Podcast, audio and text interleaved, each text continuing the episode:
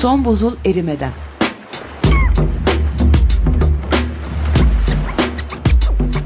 Küresel iklim değişikliğinin bilimsel gerçekleri üzerine.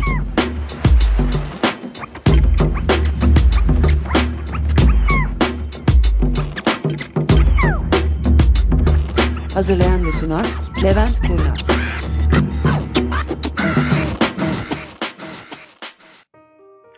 Merhaba, ben Levent Kurnaz.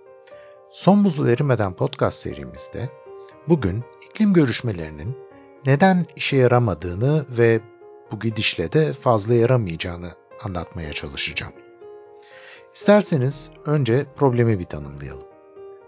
Yeryüzü son 200 yılda yaklaşık 1.3 derece ısındı. Bu ısınma hepimiz açısından ciddi kötü sonuçlara yol açtı ve açmaya da devam edecek gibi görünüyor.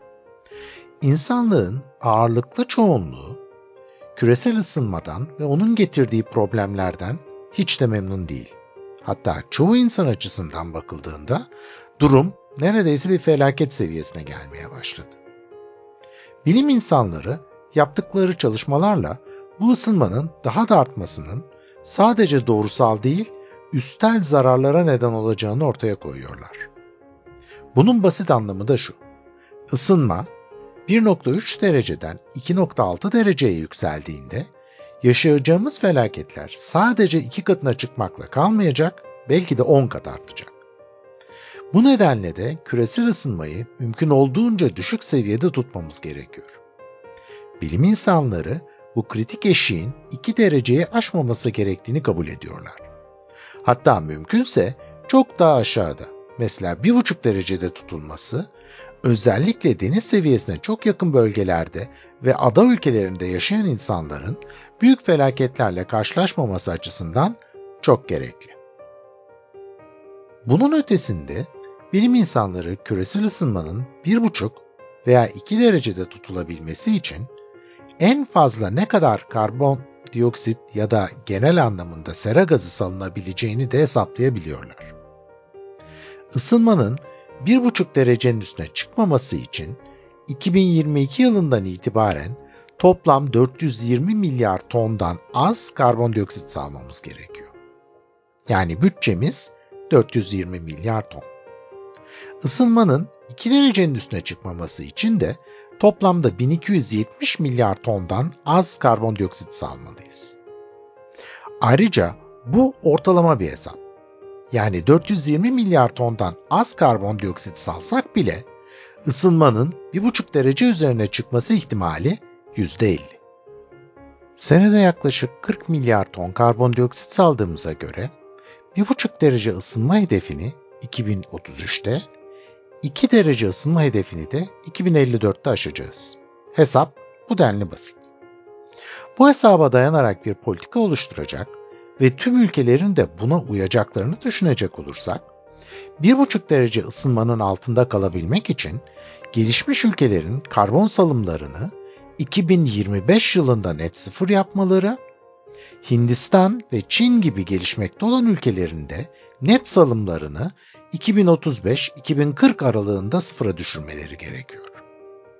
2 derece ısınmanın altında kalabilmek için de benzer şekilde gelişmiş ülkelerin 2040'da, gelişmekte olan ülkelerin ise 2060-2070 aralığında net sıfıra düşmüş olmaları lazım. Bu hesaptan birkaç sonuç çıkartmamız mümkün. Öncelikle Avrupa Birliği de dahil olmak üzere hiçbir ülke küresel ısınmanın 1,5 derecede durdurulabileceğine inanmıyor. Salımları önemli sayılabilecek hiçbir ülkenin azaltım hedefleri 1,5 derece azaltımla uyumlu değil. Avrupa Birliği de dahil olmak üzere çoğu ülke küresel ısınmanın 2 derecede de durdurulabileceğine inanmıyor. İnanıyor olsalar Avrupa Birliği net sıfır salım hedefini 2040, Çin 2050, Hindistan da 2060 gibi bir tarihe koyardı. Gene çoğu ülke gözlerini hedefe dikip ellerinden gelenin en iyisini ortaya koymaktansa rakiplerinin neler yapacağını gözleyerek kendisine bir pozisyon belirlemeye çalışıyor. Gelecekte diğer ülkeler biraz daha ciddi önlemler almayı kabul ederlerse bu ülkeler de biraz daha ciddi hedefler ortaya koyabilirler. Ne yazık ki bu rakipleri kollayarak önlemleri belirleme oyununu oynayabilecek vaktimiz kalmadı artık. Glasgow'da Birleşmiş Milletler İklim Değişikliği Çerçeve Sözleşmesi'nin 26. Taraflar Konferansı yapıldı. İklim bilimi açısından şimdiye kadarki 25 konferansta elde edilen gelişmelere dikkat etmemiz gerekiyor. Yapılan bunca toplantı, konuşulan onca konu, alınan bu kadar karar atmosferdeki karbondioksit oranına nasıl yansımış dersiniz? Kısaca söylememiz gerekirse hiçbir işe yaramamış. Bu konferans bir işe yarayacak mı? Hayır. Bu bağlamda çok taraflı diplomasinin tamamen boşa harcanan zaman olduğunu görebilmek için 27 senenin geçmesi gerekmemeli. Bu toplantılar büyük panayırlardan farklı değil. İklim krizini durdurma yönünde hiçbir faydası olmuyor ve olmayacaktı. O nedenle lütfen kimse kendini kandırmasın. Bu toplantıda ilk defa kömürün kötü bir şey olduğu söylenmiş. Kömürün kötü olduğunu 1992 yılında sözleşme imzalandığında da biliyorduk. Bunun sonuç belgesine yansıması 29 sene aldıysa iklim diplomasisi işlemiyor demektir. İşe yarayan karar gelişmiş ülkelerin kömür kullanımına 2025'ten itibaren moratorium uygulamaları, gelişmekte olan ülkelerin de bu yıldan itibaren kömürlü termik santral yapmayacaklarını taahhüt etmeleri olurdu. Bu tür toplantılarda kararların oy birliğiyle alınmasına gayret edildiğinden bir hedefe varılabilmesi neredeyse imkansız. Bu nedenle de artık başka bir yol denememiz gerekiyor. Politika açısından bakıldığında bu yolun ikili görüşmeler sonucunda açılabilmesi daha uygun görülüyor. Bu görüşmelerde bazen havuçla bazen de sopayla yürütülse de çok taraflı görüşmelerin artık bir sonuca varamadığı açık olduğundan bunun denenmesi daha doğru olacaktır. Konferansta devletler arasındaki en büyük sorunun azaltım miktarlarından çok maddi konularda olduğu görüldü.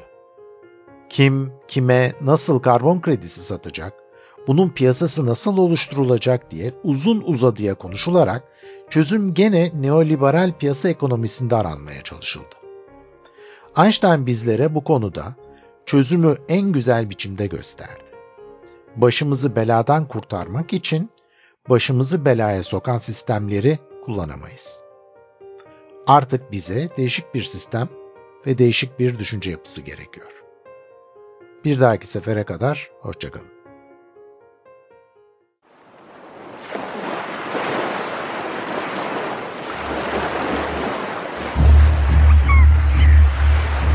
Son buzul erimeden.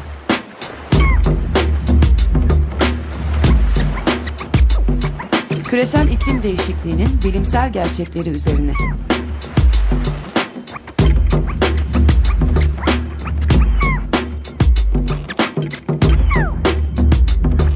Hazırlayan ve sunan Levent Kurnaz.